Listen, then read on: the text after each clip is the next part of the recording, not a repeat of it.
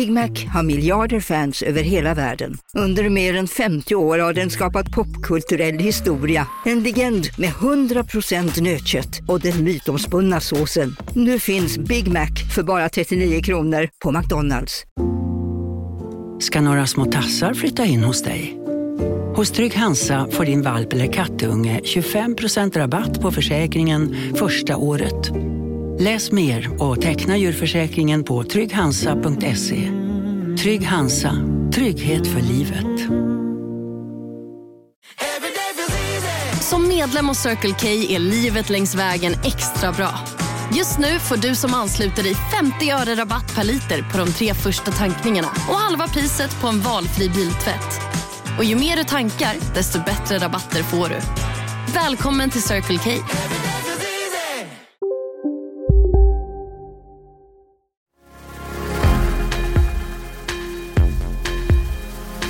Sverige var länge ett föregångsland runt om i världen. Inte bara i våra egna ögon var vi ett avundsvärt exempel på ett gott samhälle.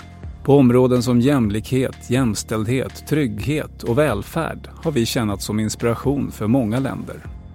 Numera hör vi allt mer sällan Sverige beskrivas på det sättet. Istället är det spektakulära problem som får uppmärksamhet.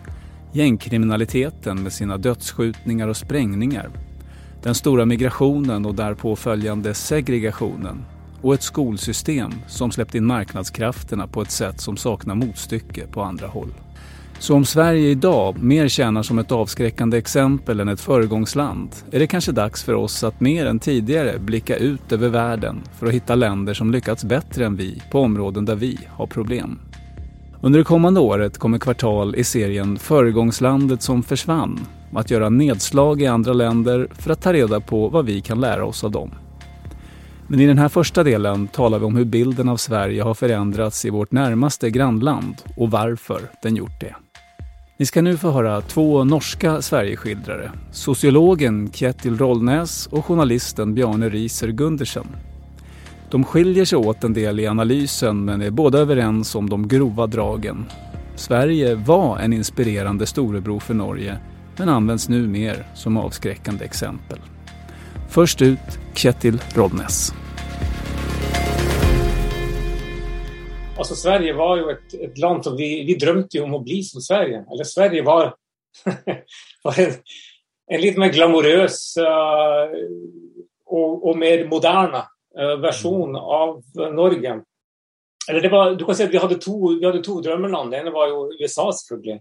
Mm. Og det andre var i Sverige. Og Sverige hadde på en måte det beste av måte, USA og Norge. tenkte vi. Mm. Altså, Hva var det ni så da? da? Sverige var glamorøst, for det hadde jo altså, fantastisk uh, altså, musikk med ABBA og sant, idrettsstjerner som Bjørn Borg, f.eks. Mm. Uh, så det var det glamorøse. Og så var det jo følelsen av at uh, det var et ekstremt velorganisert land på full fart inn i framtiden. Teknologisk, byråkratisk, politisk, på, på, alle nivåer. Så var liksom Sverige eh, lengre enn oss. Vi var liksom litt, litt, litt om potetland som uh, Lilleputt, ikke sant? både historisk sett og også langt inn på ja, Jeg vet ikke når vi begynte å føle oss egentlig at vi var på høyre med Sverige. Det var vel ikke før vi fikk, før oljepengene begynte å gjøre jobben. ikke sant? Nei. Og da er vi kanskje på 90-tallet, eller? Kanskje på 90-tallet, ja. For da hadde jo svenskene en litt, dere hadde jo en liten resesjon der. ikke sant? Ja. Men det var jo også at uh, altså Som sosiolog så har jeg i noen sammenhenger vært litt borti i Sverige. For eksempel, jeg har forsket litt på sånn hjemkultur og sånn.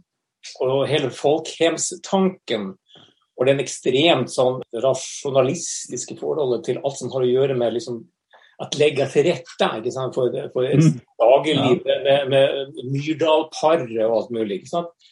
Uh, og kulturradikalismen og glir over i sosialdemokratiet og sånt. Mm. Som er også på en måte Men der, allerede der begynner, å bli, begynner man kanskje å, å, føle en viss ambivalens. fordi det er liksom en, en, en sånn uh, forlokkende modernitet.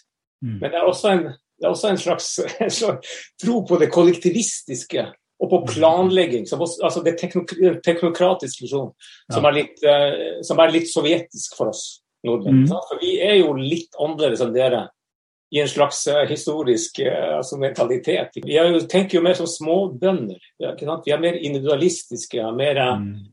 uh, skeptiske til sentralmakt og til, til, styring ovenfra. Vi er mer mm. ulydige. Mens svenskene liksom er Ja, det Skandinavias Sovjet, følte vi litt. At det var i hvert fall ett aspekt som, som var negativt. Men får jag fråga eh, innan vi lämnar det helt, eh, det här 60, 70, 80-talsbilden av Sverige då, som du beskrev lite i början, ja.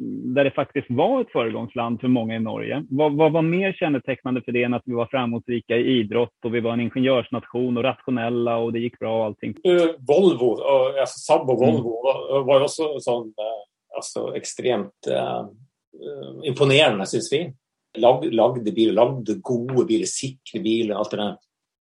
En gang var Sverige et land som bygde biler. Og så ble Sverige et land der man brenner biler. ja, tyvärr. Vad var det första som började påverka den här bilden i Norge av Sverige som inte längre kanske ett föregångsland på samma sätt som det hade varit? Alltså, det, är, det man må skille litt her, det er jo at altså, Det er jo ikke sånn at vi har sittet hele tiden og liksom monitorert Sverige i en lang periode Mm. uh, så syns jeg at det var lite stoff fra Sverige. For eksempel, altså, I forbindelse med, med migrasjonsstrømmen var lite egentlig som kom. Mm. Uh, og lite kritisk uh, stoff.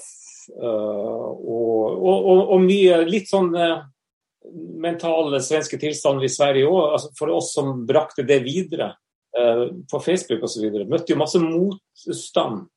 Fra nordmenn og da også? Ja.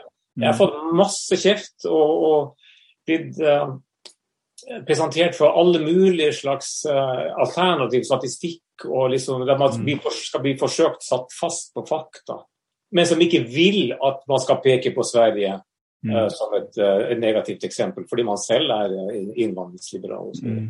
Så, så, så, egentlig så har det, så har det vært, det har vært det her nye Sverige-bildet har vært i, i all hovedsak som en konsekvens av det som har skjedd med migrasjon, mm. og at så mye av den skal vi si, negative informasjonen har kommet blitt brakt til Norge via sosiale medier.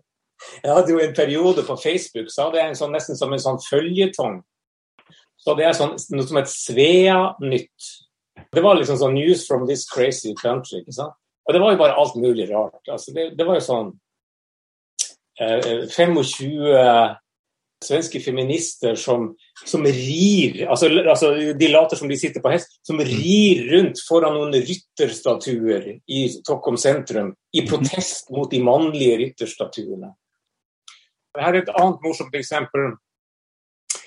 Studier viser ujevn kjønnsfordeling blant juryen på museum fordelingen av kjønn blant fjærkre, som vi sier, altså fugler på museum. Det er bare, altså bare 40% som er, som er kvinnefugler.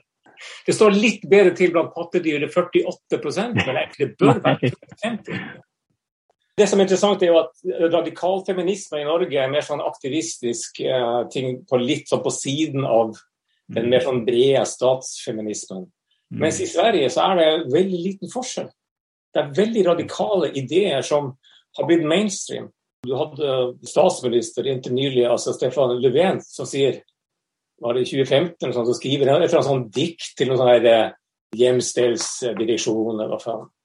Så avslutter han diktet med 'Ned med patriarkatet'. For oss er det, så er det altså, det er, det er, det er liksom bare sånn What the fuck? Altså, Tanken på at en norsk statsminister på ramme alvor skulle si 'ned med patriarkatet', det var fullstendig absurd. Og Det viser jo altså hvor, hvor, langt den tenkningen som er altså, altså hele kjønnsmaktsordningen. Det er jo til og med et mm. begrep som vi ikke har i Norge. I, I, Sverige så er det på en måte en sånn, litt sånn eh, selvsagt ting. Altså Vi lever i mm. kjønnsmaktordningen. Det er jo ikke til å forstå at man altså bruker patriarkatet som en forklaring. F.eks. For på menns eh, atferd i kvinner. Til og med altså voldtekt, f.eks. Men om vi ska försöka liksom å analysere det här, vad, vad är det då? Vad är det? För det här är ju en massa galna exempel, men vad är den gemensamma... Ja. Nej, men alltså det, här, det är ju på en måte det är närliggande idag att tänka att Sverige var liksom som ett föregångsland för woke, alltså. Det vi kallar woke idag. Och varför gör det att man i Norge inte längre ser Sverige som ett föregångsland utan snarare som ett skräckexempel? Alltså, va, va, varför är det fel att dra du, det kan, här? men du, kan at, du kan se att det er, det er, det är, en, det är två typer følelser man har. Det ene er ju at man ser på Sverige med sånn medynk. Man tenker 'stakkars Sverige'. Uh, det er masse kriminalitetsutvikling. Men så det også disse eksemplene her er mer sånn at man, man ler. Alltså, man bare syns det er helt totalt crazy. At det, er, at det er en sånn politisk korrekthet på speed. Men bare kom med en liten sånn disclaimer her. Det er jo ikke sånn at jeg det er ikke sånn at jeg tror at dette er eh, en, en tenkning som er vanlig i Sverige. Og det er kanskje ikke engang vanlig blant eliten eller etablissementet, men det er liksom nok til at det må tas på alvor. Altså, jeg er jo imponert over i hvilken grad svenske medier tar sånne ting på alvor og bringer det videre. Og er liksom med på å skape en kampanje der noe må gjøres. Man må late som at dette er svært alvorlig, og dette må vi gjøre noe med. Og dette skal aldri skje igjen.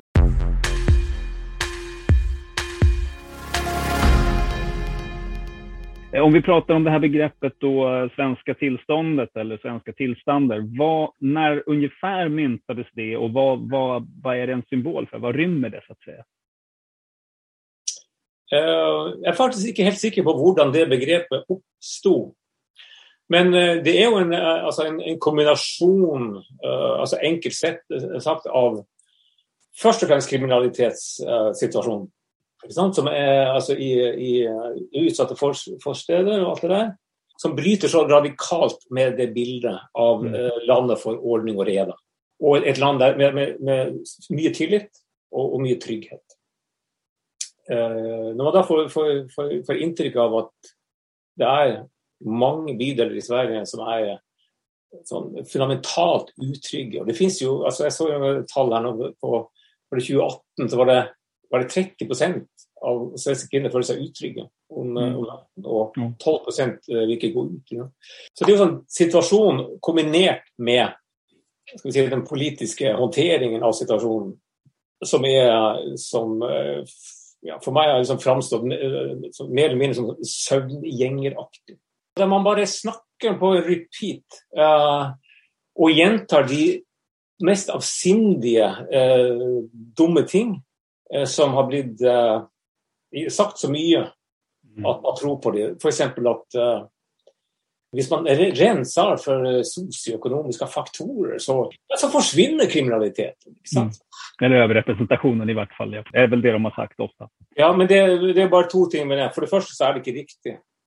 For det andre så er det jo, så er det ikke sånn at, at innvandringsfaktoren forsvinner. Fordi hvis du importerer hundretusener av personer med lav sosioøkonomisk status, så vil kriminaliteten, hvis alle vanlige faktorer gjelder, så vil den med nødvendighet øke. Og ikke minst når de som kommer også er menn, de er unge ja, og fattige. Jeg skulle just fråga om det svenske tanketillståndet. Hva er kjennetegnende for det som du mener, og det her tanketillståndet? Nei, at det er, det er en fullstendig, fullstendig bristende realitetssans. Man forholder seg kun til sine egne idealer, sin egen ønsketenkning. Og Det har jo også vært avdekket sånn, for noen år siden. Det var ikke en som gikk gjennom alle beslutninger i Riksdagen som angikk migrasjon. Det var nesten ingen kon altså konsekvensanalyser gjort ut av alle årene fra 2010. Eller och så måste man försöka förstå vad det beror på. Du måste säkert ha funderat på det också. Alltså var, för Sverige är ganska noggranna med konsekvensanalyser på ganska många områden. Mycket, mycket mindre påverkande områden. Ja. Vad var det som gjorde, tror du, att här var, skulle man inte ha någon konsekvensanalys? Man skulle inte ens tänka i termer av konsekvenser. Nei, altså det, som Fra oss utenfra så virker det som man blir liksom ruset på sitt egen eh, godhet. En sånn eh, humanitær hybris men hva var det som gjorde at det ble sånn i Sverige, og ikke i Norge? Altså, kanskje er det sånn at Sverige har større behov enn Norge. Altså, Sverige er et mer sekularisert land enn Norge. Altså, enda mer gudløst enn Norge. Eh, det betyr at uh, behovet for religionssubstitutter blir enda større i Sverige.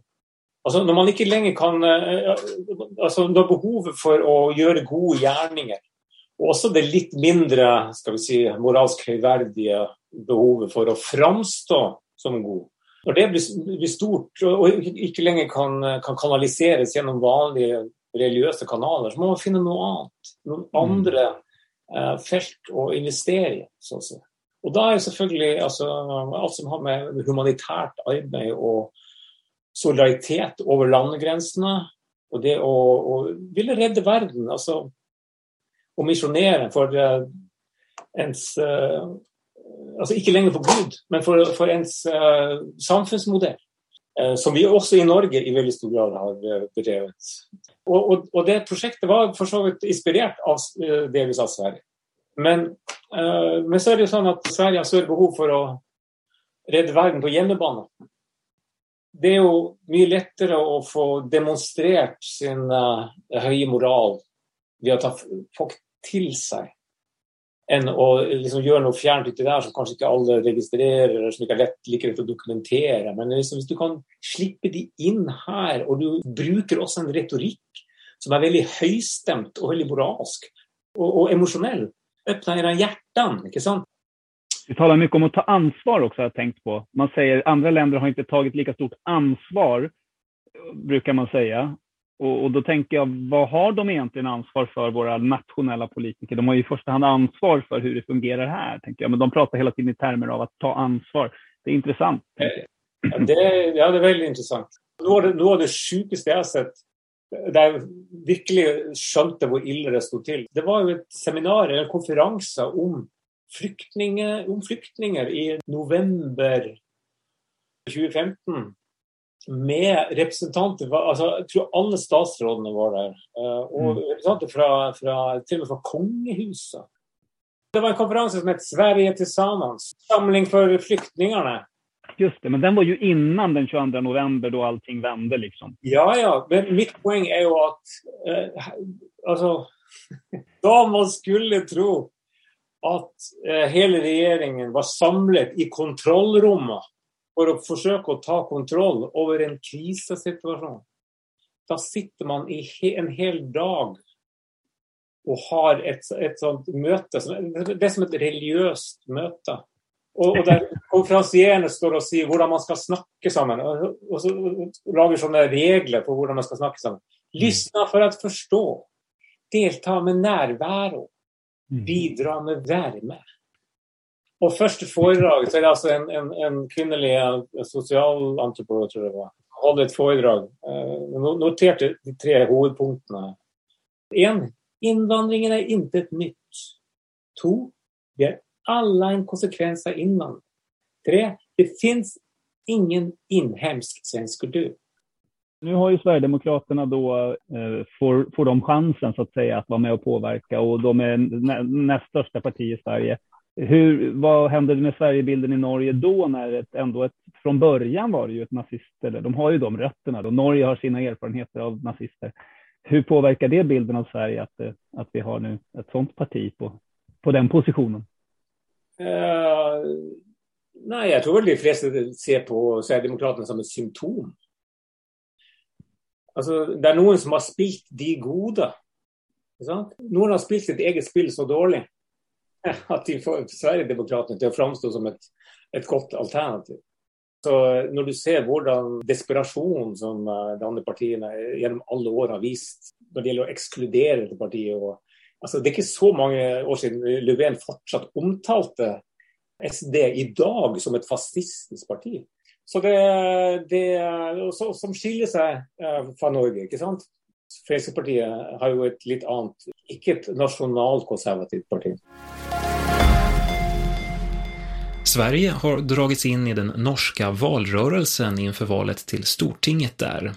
Migrationsminister Helene Fritzon... Du nämnde Sylvie Listhaug, eller vi touchade vid det.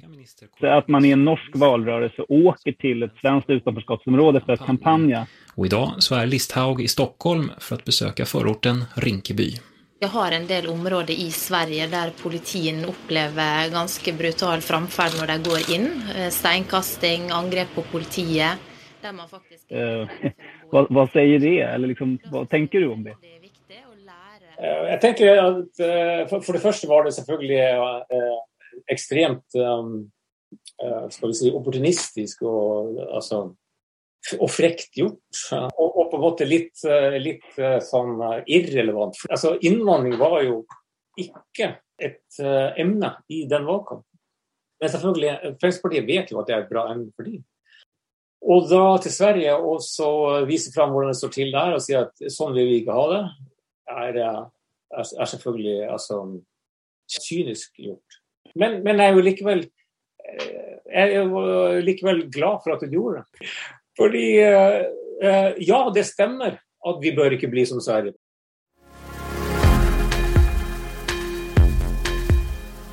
Ja, så langt sociologen Kjetil Rollnes. Men nu ännu en norsk Sverigeskildrare. Bjarne Riise Gundersen er journalist og kom 2019 ut med boken Svenske tilstander en resa til fremmede land. Og även om han er oenig med Kjetil Rollnes i mye, kan ikke heller han forneke at bilden av Sverige har svengt radikalt i Norge de seneste årene.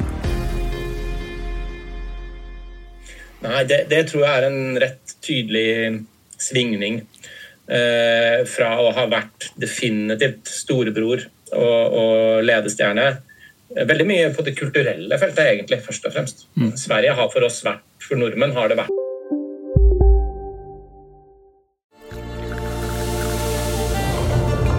Välkommen till Maccafé på utvalda McDonalds restauranger med Baristakaffe till rimligt pris. Vad sägs om en latte eller cappuccino för bara 35 kronor? Alltid gjorda av våra utbildade baristor. Hej Sverige! Apoteket finns här för dig och alla du tycker om. Nu hittar du extra bra pris på massor av produkter hos oss. Allt för att du ska må bra. Välkommen till oss på Apoteket. Okej hörni, gänget!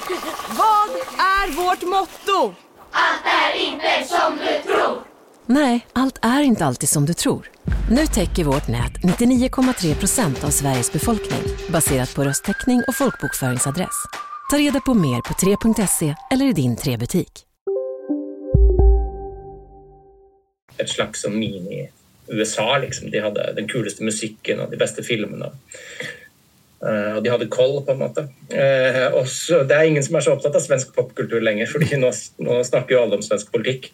Mm. Um, og der er det helt klart at uh, det har vært for nordmenn, tror jeg, en sånn gradvis oppvåkning og erkjennelse av hva som egentlig skjer i Sverige, og, og, hvor dype problemer Sverige har på en del områder, som vi alle har måttet liksom ja, ta inn over oss. Da. Eh, det gjør jo også at Sverige er en veldig sånn hva skal jeg si, Folk har ofte veldig fort bestemt seg hva de mener eh, innan.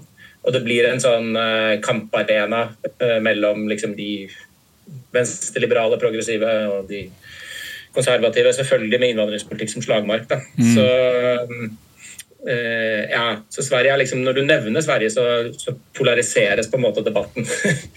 Eh, med en gang, da, fordi folk har så forutinntatte uh, meninger. Men i det store store bildet så er det jo helt klart at Sverige fra og med flyktningkrisa og fram til i dag har Jeg tror både landet har fått endret sitt eget selvbilde veldig radikalt, men da har jo også vi andre som står utenfor oss og ser det bildet. Vi har også sett den samme endringen. Du nevnte kultur og pop og film og, og den typen av saker, men har, har denne bilden av Sverige som et land med problem også spilt over på at man ikke lenger er like interessert av svensk populærkultur også, altså?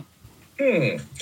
Jeg vet ikke. Nei, det tror jeg faktisk ikke. Eh, jeg tror jo at eh, Det kan godt hende at jeg bare mistet litt kontakten, fordi jeg vet eh, min sønn, som er 15 han, i hvert fall For et par år siden så var det eneste han hørte på, det var, sånn, det var svensk hiphop. Uh, det var Einar og Yasin og alle de her. Uh, mm. uh, så kanskje den åren fins ennå. Um, men det er mer bare at i den brede offentligheten så er liksom det, det politiske Sverige Sverigedemokraternas vekst og vei inn nå til å være støtteparti i regjering Eh, og de åpenbart forutsigbare problemene knytta til, til førerorter og gjengkriminalitet, skyting det, bare, det skygger over, på en måte. Finns det noen, for du sa at det er polariserende å nevne Sverige, finns det noen som, eh, finns det en falang som fortfarande sier at det her, er, det her er den väg vi skal gå, Sverige er et, liksom et eh, föregångsland och en inspiration, eller? Nej, ikke nå lenger. Ikke nå lenger. Eh, det var jo noen som sa i forbindelse med flyktningkrisa, sa, da sa jo lederen for Sosialistisk Venstreparti, Audun Lysbakken, altså han, tilsvarende Venstrepartiet i Sverige, da, eh, han sa hvis jeg husker riktig, at Sverige er et lys i Europa. Det er det jo ingen som sier lenger. Men jeg tenker jo at det kunne en interessant tanke mitt, fra mitt ståsted det hadde jo vært å forfølge ja, Går det fortsatt an å tenke på Sverige i noen deler som et lys for Europa? F.eks. i flyktningkrisen, hvor ja, så ble konsekvensen av det veldig store, og Sverige måtte bakke. Men hvis alle land i Europa hadde gjort som Sverige, så hadde det problemet som virka som en uoverstigelig internasjonal kris, vært løst uh, på kort tid. da. Mm. men Danmark lot jo bare alle reise gjennom liksom, og, og det på svaret. Man klarte ikke å koordinere den europeiske innsatsen. Hadde man klart det, som jo var det Stefan Löfven håpa på lenge, så kunne det sett helt annerledes ut. Kanskje kunne man fortsatt tenkt på Sverige som et lys i Europa, i hvert fall i det, i det korte bildet. da. I dag så er det den veldig sånn um, etablerte meningen, både i Sverige, slik som jeg oppfatter det, og også i Norge, det er å le av Sverige og liksom se så latterlig naive de har vært. og liksom ha-ha. og liksom og Det har de sikkert vært på noen områder, men jeg, da syns jeg jo det er interessant å løfte fram noen andre type tanker. da. Det var, det var, jo noen sånne verdibaserte politiske valg, både i flyktningkrisen og også i periodene før med Reinfeldt, og sånn, som vi kan le av i dag. Vi kan tykke at de var naive eller blåøyde. Men de også, jeg kan ikke se for meg noen politikere i dag som kunne stått og tatt sånne rene verdibaserte valg da, og forsvart det i offentligheten. Så upopulære. Eh, nei, i år blir det liksom Dere får ingenting på statsbudsjettet, for vi står overfor en flyktningkrise som vi må så åpne hjertene deres. Eh, det er jo blitt en vits, ikke sant? men mm. det, er ganske, det, er ganske, sterkt politisk mot i det. da, som, eh, Så det går an å, å vende litt på, på mynten her. da. Skulle du säga att Sverige då under någon period har varit mer av ett föregångsland för Norge? Du hintade ju om det, men, men när var, när var liksom eh, den tiden som, när var det, den relationen mellan länderna som tydligast och vad var det då som hölls fram förutom kulturen? Litt vanskelig å svare på, for jeg har liksom aldri tenkt sånn historisk sånn systematisk tilbake i tid. Jeg har med meg en sånn type en kjensle fra da jeg var liten. Nei, eh, det var rett og slett bare eh, at svensker var kulere, på en måte. Og så I tillegg så har de selvfølgelig hatt Olof Palme. ikke sant? Så Der hadde du på det politiske området De hadde liksom en internasjonal politisk stjerne da, eh, i mange år før Norge hadde Gro Harlem Brundtland, som kanskje var litt tilsvarende for oss, og fikk mm. internasjonale posisjoner etterpå. Sånn. Det har vært et annet sus over svensk politikk på den måten. Og så har det vært eh, supplert av det her veldig sterke liksom, popkulturelle dominansen, da, hvor eh, Mye kulere enn Danmark. Mm. Definitivt mye kulere enn Finland. Mm. eh, og um, Det har nok med min, mitt eget, liksom, min egen utvekst å gjøre, men for meg så har det vært liksom, sånt, ja, en sånn ledestjerne på veldig mange, mange sånne ting. Da. Svensk journalistikk, svenske tidninger. Mm. Norge har jo alltid sett på jo, Hvis du har bodd i de store norske stedene, så har du jo hatt SVT Eh, rett inn i stua, som er en av grunnene til at de fleste nordmenn kan svensk ganske godt, og også kjenner svensk offentlighet ganske godt. Eh, og der var det helt klart hva skal si, Det brakte med seg en sånn kulturell dominans. Da. Litteratur, eh, filmmusikk, alle disse tingene. Så for min del har det vært det sterkeste.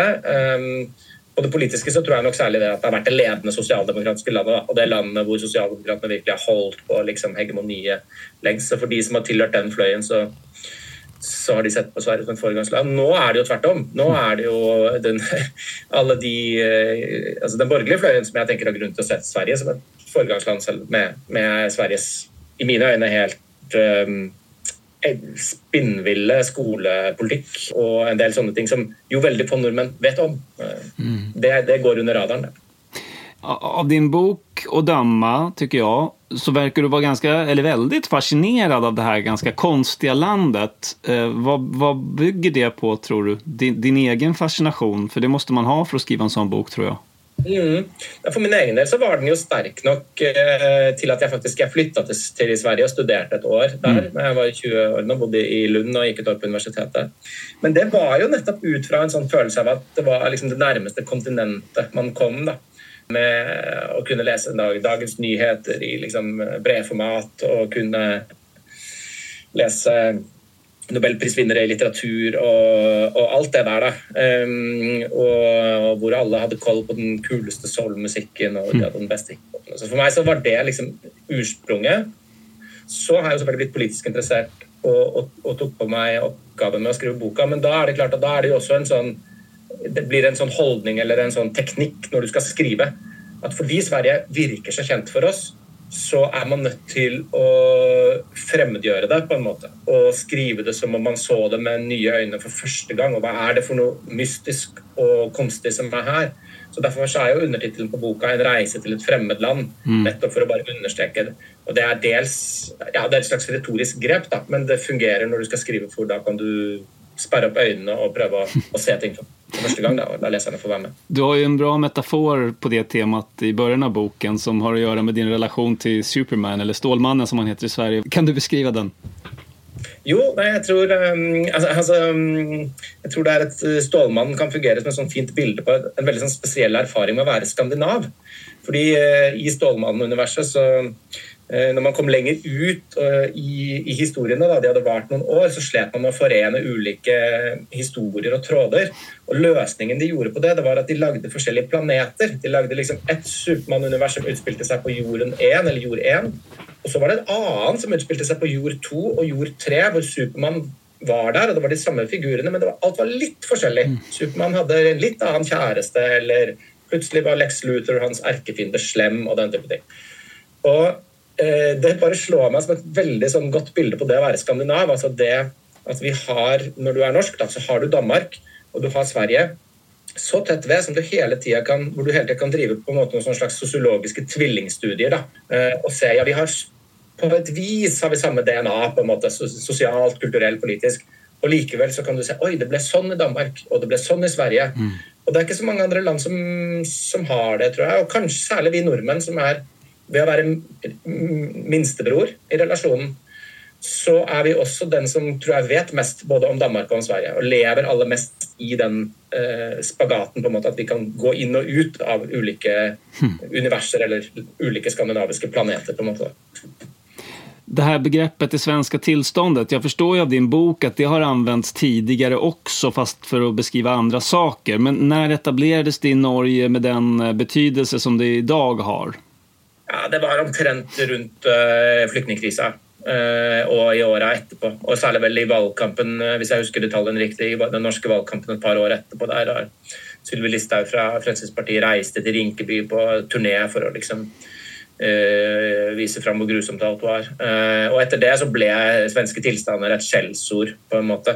Og, og, hva er det som ligger i det, da? Hva, er, hva, hva, mener man i Norge når man sier så? Nei, da mener man Og dette er jo skjellsordbetydningen. Da. da man, da bruker folk det som et slags sånn retorisk våpen. Men da mener man eh, eh, overdreven innvandring, eh, store problemer med vold, eh, skyteepisoder, opptøyer. Da mener man alle disse klassiske tingene som er lengst frem i nyhetsrubrikkene. Og tenker man seg at det finnes en reell risk at Norge skulle kunne havne der Sverige er om man, om man fører en viss politikk som da anses være dårlig og naiv? Ja, det er flere som tar til orde for det. For det første så bruker jo den eh, politiske høyresida det i Norge veldig sterkt. De bruker Sverige som et skremmebilde. Eh, på, hvor de tidvis har rett, men hvor de tidvis også har et veldig liksom, unyansert og galt bilde av Sverige, spør du meg. Da. Men det brukes effektivt i den politiske debatten i Norge, og har gjort det. Og det er også folk som skriver bøker som heter Det kom en bok for et par år siden som jeg tror het 'Svenske tilstander i Oslo' og som var, handlet om gjengkriminalitet i Oslo. Uh, og som var et forsøk på å si sånn Pass på så vi ikke uh, havner i, liksom, i Sveriges uh, lege. da. Så det er, det er som en sånn, det sånn skrekkbilde. liksom. Sånn som foreldre sier til sine barn når de er små. Pass på så du ikke mm. havner i, svenske, i, den svenske tilstanden.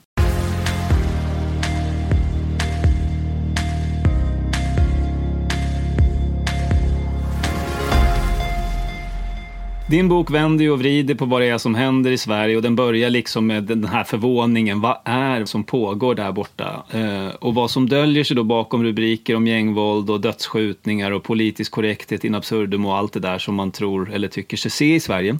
När du eh, kommer till den 250 sidan eller så i din bok, vad är det då för Sverige som kommer ut på andra sidan av boken? Om den börjar i den här häpna eh, frågan, vad fan är det som pågår? Ja, vad är det som pågår då?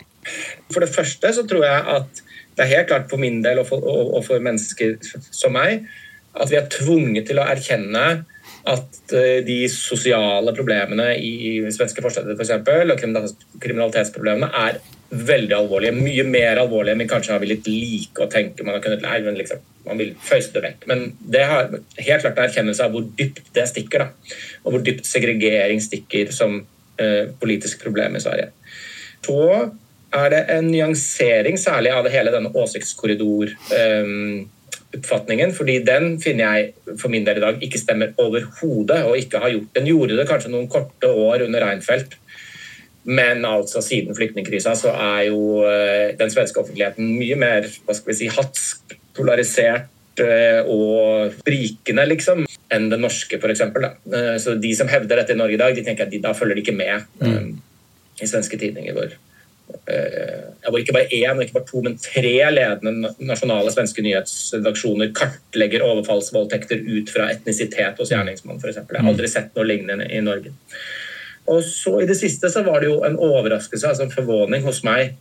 Eh, for dette med innvandring er vi jo så kjent med. Det snakker vi om hele tiden. Og kriminalitet og sånn. dette, det, det, ligger så nært. Men for meg var det helt klart en, en overraskning å se noen av disse andre sidene i, i, boka som jeg skriver aller mest om i det siste kapitlet, som har med hvordan svensk innvandringspolitikk, altså integreringspolitikk, har vært. Ikke bare, for det er jo noe litt annet enn hvor mange skal få komme. Så er det, mhm. hva gjør man når man har kommet hit? Det var det ene.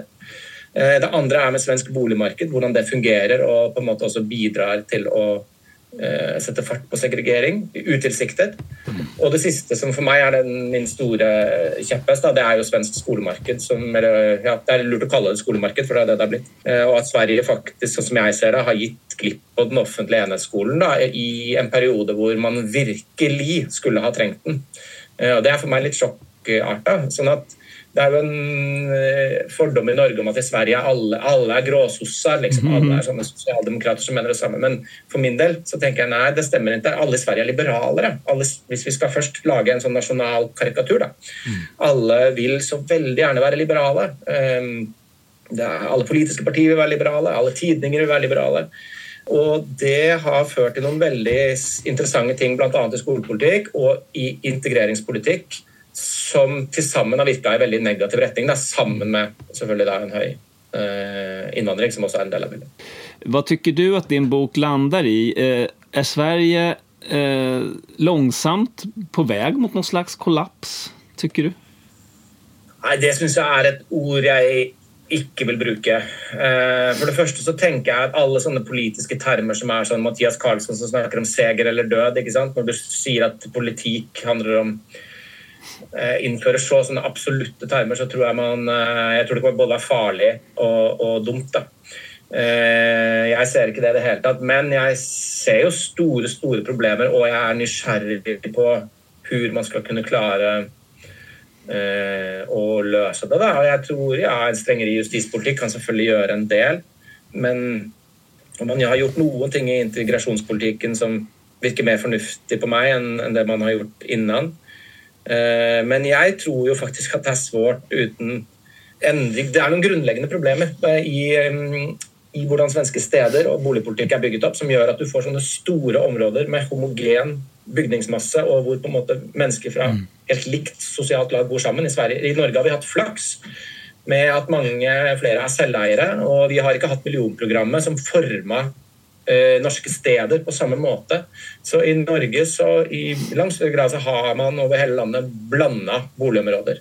Det gir i langt større grad blanda skolekretser, som jeg tror er helt, helt, helt vesentlig. Mm. Så Sverige har i utgangspunktet mindre blanda skolekretser.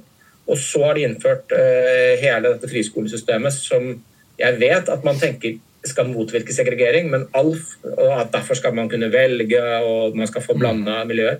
Men all, all, forskning viser jo at det fungerer perfekt motsatt, da, og i stedet er en turbo på segregeringen. Og det kan jeg ikke forstå at det ikke diskuteres mer i Sverige. Det var jo litt diskusjoner før dette valget, men så kom krigen i Ukraina og, og atomkraft og sånn, og så forsvant det igjen. da.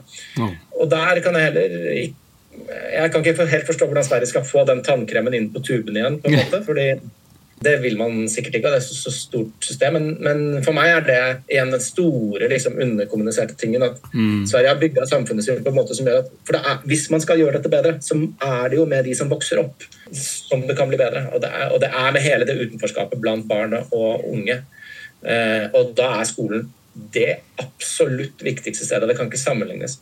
Jeg bor selv i nå, Siden 2019 så bor jeg i Groruddalen i Norge, i Oslo som er på en måte uh, vår type førort til uh, Oslo. Men det er en, en, stor 150 000 mennesker, den har sine egne bydeler. Mm.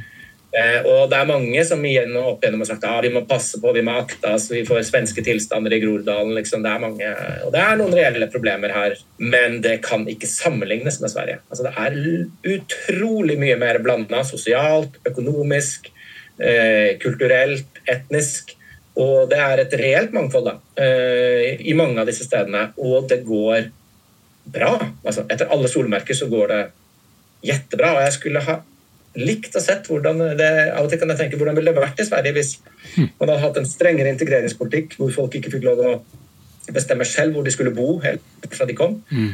Uh, og hvilket språk de ville snakke. og altså, En, en, en hardere liksom, samkjøring og styring der, og annet, uh, en annen boligstruktur og et annet skolevesen. Mm. Det er et åpent spørsmål uh, hvordan Sverige kunne da Sverige faktisk kanskje klart å føre en like liberal uh, innvandringspolitikk, eller i hvert fall noe i nærheten, og faktisk lykkes. Jeg spurte om Sverige langsomt er på vei å kollapsa og det, det vender du imot både hva gjelder ordvalet og, og liksom at det er alldeles for enkelt og, og så, men, men, Sverige har store problem. Derimot, eh, mener du at Sverigebilden, altså den gamle Sverigebilden, har den kollapset? Ja, den har kollapsat. Og så er jo spørsmålet om det bildet noensinne var sant. Ja, og, og, Det er kanskje litt fint, for svenskene har jo vært helt Det er kanskje en god ting at det har kollapset. For Sverige har jo vært helt sjukelig opptatt av sitt eget selvbilde, særlig ute i verden. Hvis noe skjer i Sverige, så sier nei, nei, nei, vi må akta, akta, vi må passe på Sverige-bilden. ikke sant? Det er kanskje fint at man kan slippe å tenke så mye på framtoning, da, og heller tenke på realitet. Det sa journalisten og forfatteren Bjarne Riise Gundersen, en av de to norske Sverigeskildrare som du hørte i denne første del av serien 'Foregangslandet som forsvant', der vi under det kommende året skal ge oss ut på jakt efter goda eksempel, ja rent av föregångsländer, på områden der vi i Sverige uppenbarligen har en del å lära.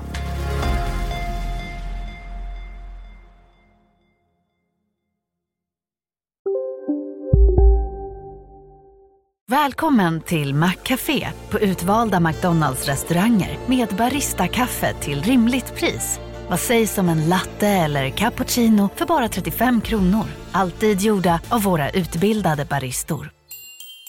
Hej, Synoptik här. Livet med glasögon ska vara bekymmersfritt. Därför får du 30% på alla glasögon när du väljer Synoptik All Inclusive. All service ingår alltid. Välkommen till Synoptik. Hej, Susanne Axel här. När du gör som jag och listar dig på en av Krys vårdcentraler får du en fast läkarkontakt som kan din sjukdomshistoria. Du får träffa erfarna specialister, tillgång till lättakuten och så kan du chatta med vårdpersonalen. Så gör ditt viktigaste val idag, lista dig hos Kry.